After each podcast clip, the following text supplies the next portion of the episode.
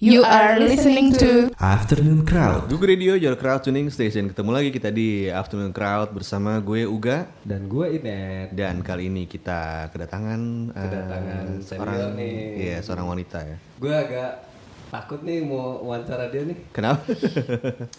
Sebelum gue jadi penyiar radio ini, gue dengerin dia siaran soalnya. Oh, Oke. Jadi kita sebut saja lah. Iya. Meita Meita kasih. Kasih. Yang lo tahu apa net? Kalau gue tahu dulu vokalis juga ya. Sekarang masih ya. Yang gue tahu liar.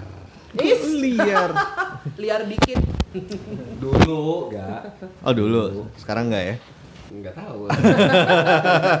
Jangan sampai tahu. udah, udah lama, udah lama. Ntar Nggak, pingsan kalau tahu. Gimana nih kabarnya nih? Iya baik banget. Terima kasih ya udah eh, menerima saya di sini. Ya, menerima. Diterima dengan baik. Thank you so much. Eh, Ya ini dengar-dengar lagi apa? Lagi mau ada crowdfunding buku nih ya. Iya. Gue baru tahu nih nulis buku nih. Hmm. Ya, eh, lebih baik kita cari tahu aja soalnya menarik nih. Iya. Baru tahu juga konsep konsep seperti ini. Eh, Mau publish buku dengan cara seperti itu baru tahu juga sih. Betul. Eh, jadi aku nulis buku eh, baru-baru ini. Jadi konsep bukunya itu adalah trilogi. Mm-mm. Eh, judul bukunya eh, The Ignite Saga, The, The Ignite Tale Saga. of the Urban Misfits. Heeh. Buku satu judulnya Love, Hmm. book dua judulnya Poison, Hmm. dan book tiga judulnya Death. Oke. Nah buku satunya sudah jadi. Buku satu sudah jadi ya. Eh, judulnya Love, eh, bercerita tentang perjalanan hidup seorang remaja perempuan Hmm. eh, bernama Sigi, Hmm. eh, berusia 18 tahun. Oke. Nah dia ini kalau di eh, di luaran kelihatannya kayak anak sekolah biasa, kayak Mhm. anak kuliah biasa. Mhm.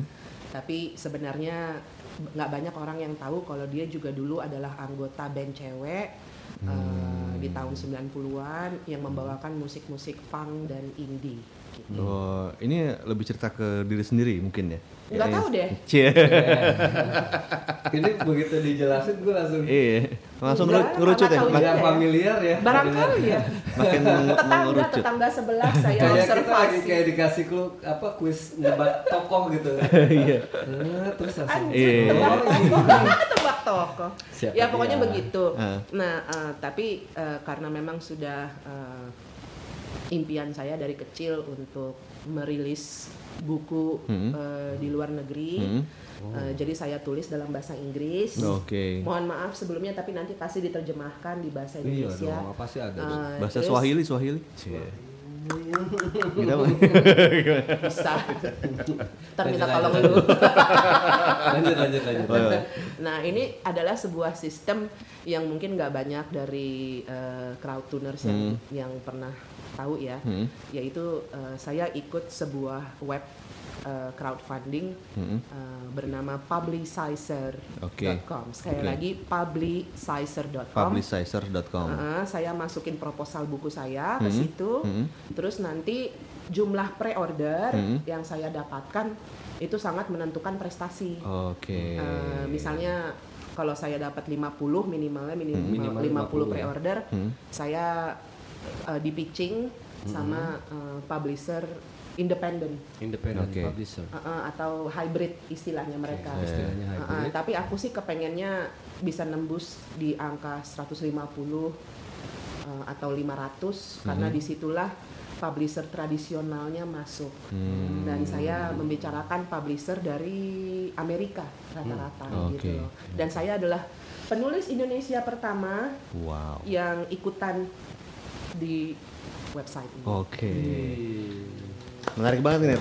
Tapi kita Jangan ditepokin Oh iya nih, iya. belum tentu Maksudnya nih, dari dari dari jumlah penulis pertama aja udah harus oke. Kita udah Iya. Tapi jangan ke mana-mana nih, kita break dulu. Tapi kita masih siap. ngomongin bareng Weta Kasim dan project bukunya ini ya. buku. Oke, Crowdtuners. bandnya ya. Jangan ke mana-mana ya. Iya. You are listening to Afternoon Crowd. Masih di Afternoon Crowd dan kita masih bareng Bareng Kasim. Kasim. Nah tadi berarti eh, apa yang menerbitkan itu di website ada di publicizer.com ya. bukan menerbitkan ya apa itu ya? belum Eh, mereka jadi kayak Oh, semacam media Oke, yang media yang crowdfunding ya. mempertemukan mempertemukan Oke. penerbit penerbit sama dan penulis. Berarti ya mediumnya ketika ada orang mau membuat sesuatu bisa ke situ nanti orang lain yang bisa istilahnya mensupportnya ya mak lewat situ ya. Ya, mak comblang. Iya, Iya, iya, iya. Ya, jadi eh, buat orang awam seperti Hmm. kita-kita ini ya, apalagi eh, seperti saya yang penulis pertama untuk punya ambisi diterbitkan di luar negeri itu kan kayak mimpi ya. It's like a faraway dream. Ya. Eh, jadi peran publicizer di sini adalah mengkat peran agen sebenarnya. oke Oke. Ya, ya. untuk jadi ibaratnya kita bisa langsung terhubung Hmm. Dan- jadi it's, it's it's very nice it's very new cara yang mungkin zaman sekarang baru ada gitu iya iya Eh, makanya saya mau coba barangkali tembus kalau misalnya saya tembus eh, mungkin bisa ikut ngeba- ngebantu buka jalan lah ya Betul untuk sekali. betul. Iya, iya. penulis-penulis lain dari begitu Indonesia. dengar ini aja kita langsung wah, Nulis ya. nulis gimana caranya ini ya. Apalagi nulis tangan ya, udah lama kan nulis tangan. iya bukan nulis tangan itu Oh, kayak gini ya. eh. Ade. Nah, eh, kalau Meta sendiri tuh mulai nulisnya tuh udah lama gak sih atau baru-baru ini atau gimana gitu? Eh, sebenarnya eh, profesiku tuh banyak ya eh, selain eh, jadi dulu aku pernah jadi penyiar radio. Hmm, Aku ya. memulai karir di radio Suara Kejayaan dulu di tahun 92 101.6 101.6 FM. Heeh. SK1. Radio, SK1. radio humor ya. SK1. Radio humor. Bareng sama Nugi Nugraha mungkin pernah dengar Oh Nugi. iya. pernah Heeh. Ini orang-orang bersama hebat semua bandnya nih sih. Alf dulu. Kita punya program namanya SK May Rock Uh, kemudian dari situ sekitar tahun 96 97 saya pindah ke Hard Rock FM nah di situ saya memulai sebagai penyiar dan reporter. Uh, dan di situlah saya mulai kebagian tugas menulis terus. Nggak tahu kenapa saya kebagian tugas nulis melulu paling rajin karena- kayaknya Iya. ya males lah Iya. Nah, sampai akhirnya jadi terbiasa. terbiasa Nah, kemudian eh, saya pindah ke Bali, tinggal di Bali tahun 2001. Di situ saya bekerja untuk sebuah media majalah eh, berbahasa Inggris, eh, namanya The Beat Magazine. Oh, The oke. Beat. Eh, Stuart, if you're watching, Pak Bos, ya, Pak Bos. Eh, dengan bantuan mereka lah saya jadi lebih terbiasa menulis dalam bahasa Inggris. Hmm, oke. gitu. Karena editornya dari Australia dari Inggris. Uh, kemudian saya juga be- bekerja di beberapa media online dan majalah uh, berbahasa Inggris lainnya. Jadi saya terbiasa.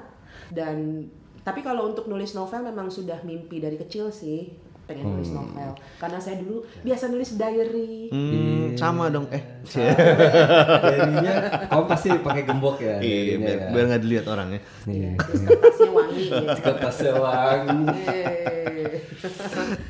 jadi karena menulis setiap hari dari Hmm. kecil mungkin karena itu saya jadi terbiasa Hmm. menulis gitu. Nah, tadi sebenarnya pengen pengen mempertajam inspirasi dari yang seri pertama nih, seri pertama Love ya. Itu dari mana sih? Eh, dulu saya pernah tergabung dengan band cewek waktu tahun 90-an. Eh, Sekarang enggak? terinspirasi ya kita reuni lagi sih mulai Oh, lagi iya, iya. sempat bubar kan kita mulai lagi sekarang tapi sempat bubar di tahun 2001 karena saya pindah ke Bali Eh, tapi terinspirasinya dari situ karena Hmm. It's not easy to be an all girls band Hmm. in the underground music scene in Jakarta karena it's dominated banget sama cowok kalau dulu ya Iya. Uh, biasanya kalau ada cewek berani-berani itu di abuse deh pasti itu Hmm, oke. Uh, di, di kata-katain lah apalah. tapi kekeh gitu uh, maju terus jadi terinspirasi dari situ tapi uh, itu kan background story ya. Iya. Uh, jadi kalau misalnya uh, crowdtuners penasaran dengan uh, cerita pergerakan musik bawah tanah ketika baru-baru mulai di tahun 90-an pasti sangat tertarik untuk baca buku ini. Karena background story-nya itu. Tapi bukan cuma itu aja karena tentunya ada eh, kisah perjalanan cinta eh, dan juga ada sedikit unsur politik juga karena tahu sendiri di tahun 90-an Iya. seperti apa dulu Iya. kita ada di bawah kepemimpinan yang lumayan otoriter. Eh, salah ngomong sedikit, salah berpendapat sedikit, kena deh pasti. Iya. Tiba-tiba ada hardtop lewat gitu kan, Eh, hilang. hilang. Nah, Tiba-tiba Terus kalau ingat Tamasya. Tamasya setrum. Habis itu eh, ingat nggak dulu kalau rambut gondrong nggak boleh masuk TV. Hmm, Iya. iya. Ingat nggak? Iya. Itu aturan Ah. oleh satu. Nah, ngeband pengen nih video klipnya masuk TV tapi gondrong Hmm. nggak boleh gitu. Jadi bisa dibilang eh, generasi saya dulu bersama teman-teman itu yang namanya pergerakan musik bawah tanah tuh beneran bawah tanah ya kalau zaman dulu ya tidak ada sosial media kan. Iya. Jadi benar-benar nggak ada yang tahu. Benar-benar sebuah dunia rahasia. Tapi di dalam dunia rahasia ini ada ribuan orang. Oke. Uh-uh. dengan pusat Mekka-nya dulu kalau misalnya di New York ada CGBG, kalau di Manchester ada Hacienda, kalau di Jakarta ada Poster Cafe. Di mana seluruh anak-anak underground dari berbagai aliran musik dari seluruh kota Jakarta, selatan, utara, pusat itu semuanya Padahal zaman dulu nggak ada HP, nggak ada sosial media, bisa gitu loh. Itu ya, Setiap Sabtu sore, Minggu sore, ribuan anak kumpul di sana untuk nonton berbagai macam band anak muda underground yang membawakan aliran-aliran musik yang sangat berbeda dari mainstream. Dan kebayang nggak, band ceweknya cuma saya. Iya, makanya. Tadi gue bilang liar. Karena dia bisa bertahan di antara banyak Ini didominasi oleh cowok-cowok ya. Iya lu masuk poster kafe aja isinya udah cowok semua. Tapi Cowok yang eh, hmm, eh, Iya. yang menarik adalah karena dulu eh, band saya tuh di, di- digabung bergabung bersama The Young Offender, Hmm. komunitas punk pertama di Jakarta. Jadi nggak ada yang berani gangguin. Iya lu. Gitu. Di barikade tiap kita masuk gitu. Nah itu semua ada di buku gitu. It- It's, Pacarnya siapa dulu gitu. Siapa ya? Zaman dulu kan gitu, uh, pacarnya itu. Takut. Tapi aku nggak sendiri sih, ada juga band-band yang ada personil ceweknya. Ada, ada, ada. banyak Sempet. dulu. Uh, tapi yang cewek semua, yang long standing, Hmm. yang karirnya lama sampai bisa rekaman, itu cuman band saya. Hmm. Iya. Uh, dan bisa dibilang cerita fiksi ini Hmm. terinspirasi oleh kejadian-kejadian dan orang-orang karakter yang nyata.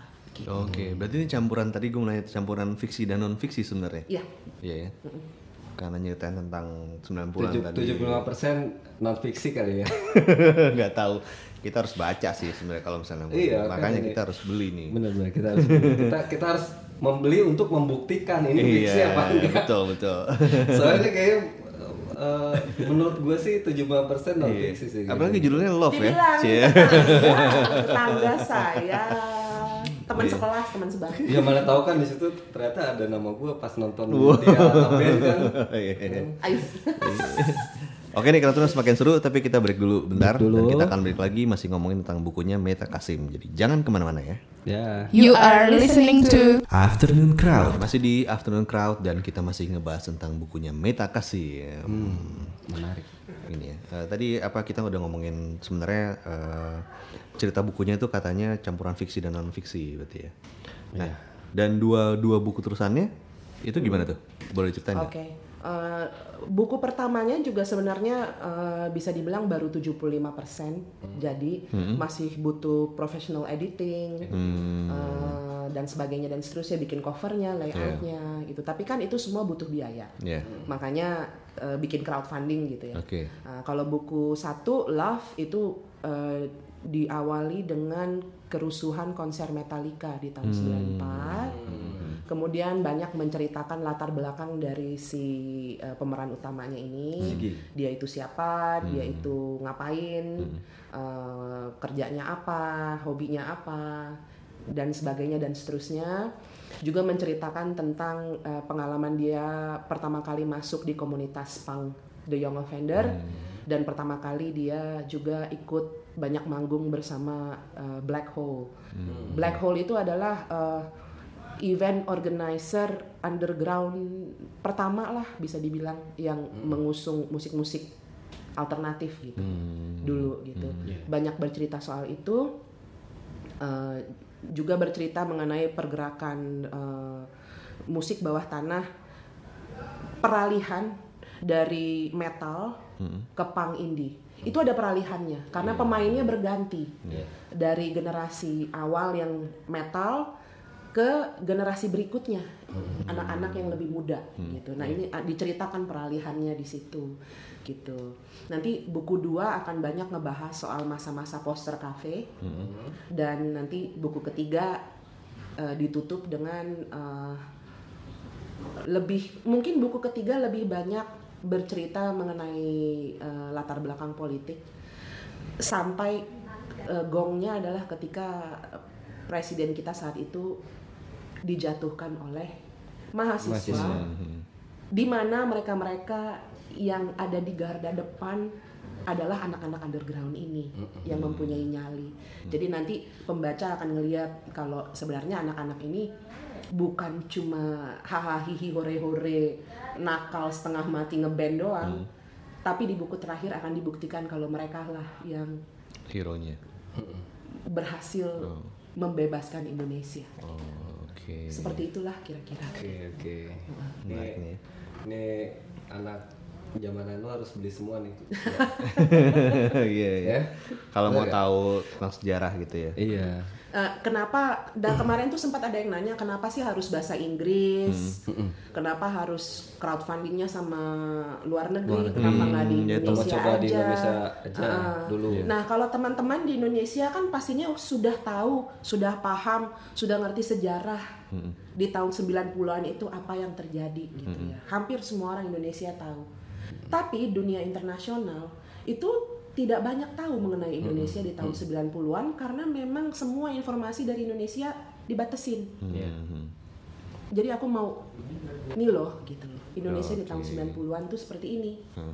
Heeh, gitu. memberikan s- sejarah untuk keluar membuka, Iya, membuka iya. sejarah kita. Iya, Eh, betul. tapi dari kacamata musik, Musik. bukan dari this is not a political book. Iya. Ini bukan Iya. buku politik. Nah ini bukunya sebenarnya tentang apa nih? Tentang cinta kah? Ya, Tentang ada tentang cinta? cintanya, ada musiknya, ada persahabatan, ada pertemanan, eh, ada mm, ya sedikit politik nanti di buku ketiga. Ya seperti itulah gitu. Tapi sebenarnya intinya adalah tentang perjalanan hidup si anak remaja ini, bagaimana sebagai seorang cewek terpaksa dia harus punya dua kehidupan karena ya adalah merupakan sebuah hal yang lumayan tabu ya zaman dulu. untuk cewek punya rambut warna-warni pakai kaos sobek-sobek terus nyanyi gitu nyanyiin punk. Kalau sekarang mungkin udah ya semua juga udah maksudnya it's not it's- bukan sesuatu yang Sekarang di TV udah banyak yang uh, kayak gitu. aneh. Tapi di Nah, tahun 90-an dulu itu Oh, banyak bikin tidak. shock dan bagaimana uh, si tokoh utama ini menyikapinya gitu. Radius 100 meter tuh zaman dulu nggak ada yang mau deketin anak pang. Ih, apa nih? Kalau sekarang foto bareng. Iya. Kalau sekarang udah Sama lah kayak misalnya dulu lihat orang tatoan, kalau sekarang udah biasa aja. Ya betul. hmm, udah biasa aja. Ada teman saya yang sempat bikin film pendek mengenai eh, pembunuhan misterius Petrus, di mana orang-orang pemerintah itu secara acak membunuh orang yang bertato di jalan, diculik, dibunuh, titik. Mau ini orang siapa kek, asal kelihatan ada tatonya, ditembak di tempat. Ini tahun 80-an dulu. Iya, iya. gitu.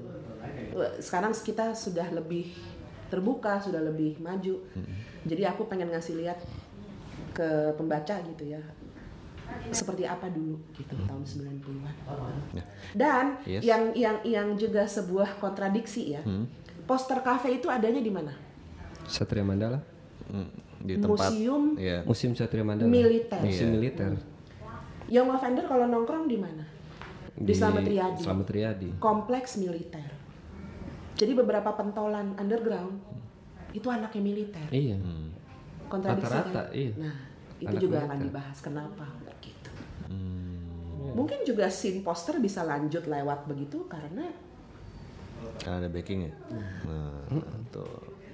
Ini apa sih ini ada yang ngeband ngeband aneh ah, bubarin eh nggak bisa. Kenapa Iya. itu yang ngeband anaknya si? Ah, Iya. iya. Kan dulu juga bisik-bisik ada. Ini ada. Jadi mesti lanjut.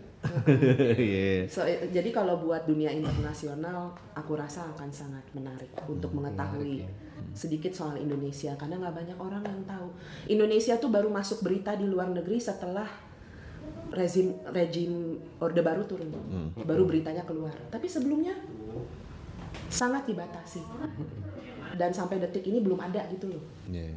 yang dan saya mau mau mau mewakili Berarti di buku itu tidak dibahas handphone, tidak ya tidak dibahas Facebook, belum ada kan? Iya. Friendster mungkin belum. nggak ada ada Belum ya? sama sekali Oh, itu belum semua 98 ya? Oh, belum. internet belum, itu baru masuk Indonesia kalau nggak salah tahun 95. sembilan Sembilan- no 95. Sembilan, no 98 sembilan, sembilan. Ya 98 99 Oh itu ya. Sembilan. Iya. Nggak maksudnya eh, mungkin kalau untuk internal eh, keperluan yang sedikit-sedikit Hmm. nggak tahu ya. Tapi kalau yang gue rasain sih setelah gue lulus SMA itu gue baru mengenal yang namanya internet. Iya, betul betul. Nah, Dan di tahun 2000 baru ada warnet. ya 2000 baru ada warnet. Tapi belum ada sosial media pun ya kan Eh, belum MIRC. RC, MIRC. ya cuman chatting chatting aja kan Iya. IRC Nah, gue mau nanya ini nih, eh, pakai medianya kan tadi eh, publicizer ya. Kenapa milih itu di antara yang lainnya gitu? Eh, kebetulan waktu itu tahun eh, sekitar eh, tahun lalu eh, saya ikutan kayak acara kumpul-kumpul penulis internasional di Ubud. Kemudian saya berkenalan dengan pemilik eh, publicizer.com ini. Itu kayak itu ya, Ubud Writers itu ya? Bukan ya? Eh, ada hubungannya. Oh, huh. Dan dia yang menawarkan ke saya gitu. Oh, oke. Mau nggak ikutan gitu loh. Tinggal masukin aja proposalnya begini begini begini dituntun sama dia. Sampai akhirnya terjadi. Cuma lagi-lagi nih yang saya tidak pikirkan adalah ternyata mereka tidak menerima debit card dari Indonesia. Oh iya. Heeh, jadi kalau misalnya eh, ada dari crowdtuners yang kepengen ikutan mendukung dan mau pre-order, Bisa ke mana tuh? bisa langsung WhatsApp Ya. ke 0812 386 42901. Oke. Nanti akan saya jelaskan detailnya Oh, bagaimana oke, cara. iya. Dan Nanti saya kasih bank account Hmm. numbernya gitu. Sekali lagi bisa WhatsApp ke 0812 Hmm. 386 42901 Hmm. atau bisa juga untuk membaca proposalnya untuk login ke publicizer garis miring law. Ya, Sekali lagi publicizer garis miring law.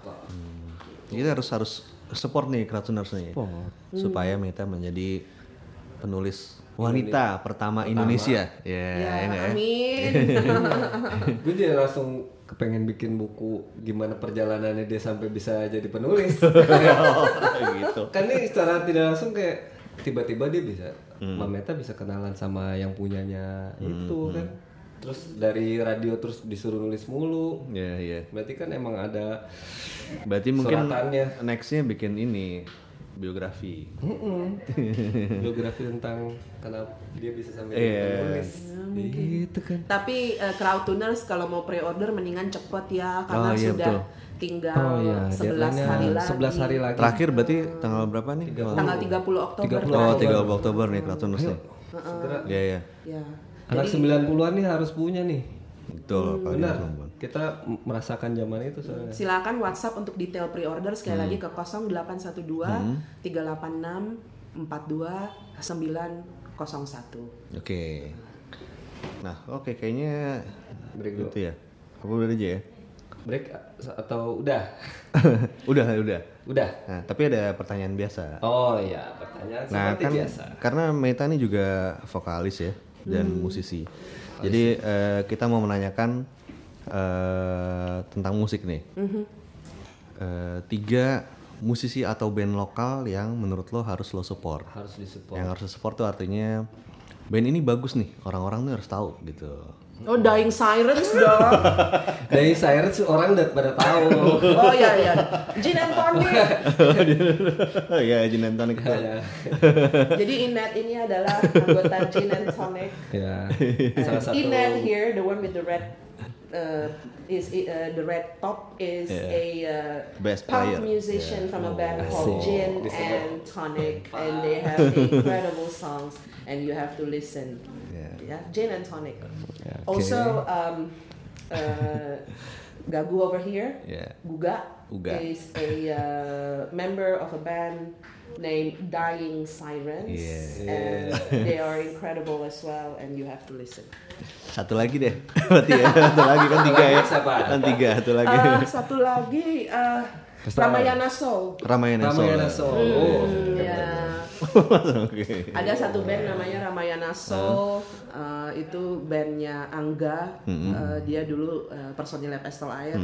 Itu unik banget karena dia ada unsur etnik, Iya. ada Pakai sitar ya? sitar, Ya, sitar ya. terus vokalisnya juga nyinden dengan suara-suara gaib. So, so amazing, so nice. Keren. Dan punk juga dia. Ya, uh, dia bisa mencampurkan antara etnik, punk, uh, alternatif, it's, it's so nice. Dan mereka kalau nggak salah punya banyak fans juga dari Jepang, Oh, kalau nggak salah ya. Iya. Uh, Gokil ya. uh, tuh.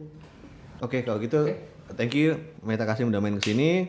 Thank you so much. Good luck buat bukunya. Semoga kuotanya terpenuhi ya. Ya, Iya amin. nih, 30. Iya. Ya. Bentar lagi. Kita ulang sekali lagi deh. Kalau misalnya mau ikutan eh, WhatsApp ke mana nih?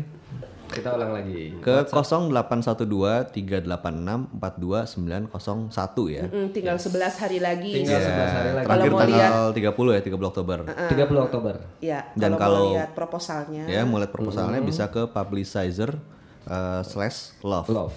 Gitu. Oke, kalau gitu semoga kita bisa melihat bukunya ya wujudnya dan Iya. buku kedua dan ketiga juga tentunya. Pasti. Amin. Harus beli itu. Ya, dan sukses juga buat Wonder Gel. Wonder Gel. Iya. Ya, yang reuni ditunggu nih rilisan barunya ya pastinya. Ya, mungkin bulan depan uh, Wonder Gel mau keluar single Yeay. baru. Nanti tinggal di- Amin, semoga. dikirim ke sini kita puterin. Pasti. Oke Keracunas kalau mau dengerin Gugu Radio bisa via web browser di gugu.fm atau install aja aplikasi Android dan iOS-nya. nggak rugi, nggak rugi. Oke. Lagunya keren-keren. Kita ketemu lagi di Afternoon Crowd berikutnya bersama talenta-talenta berbakat lainnya. Gue Uga Eh, Gue Inet. dan Meta Kasim kita pamit dulu. Dah. Google Radio, your crowd tuning station.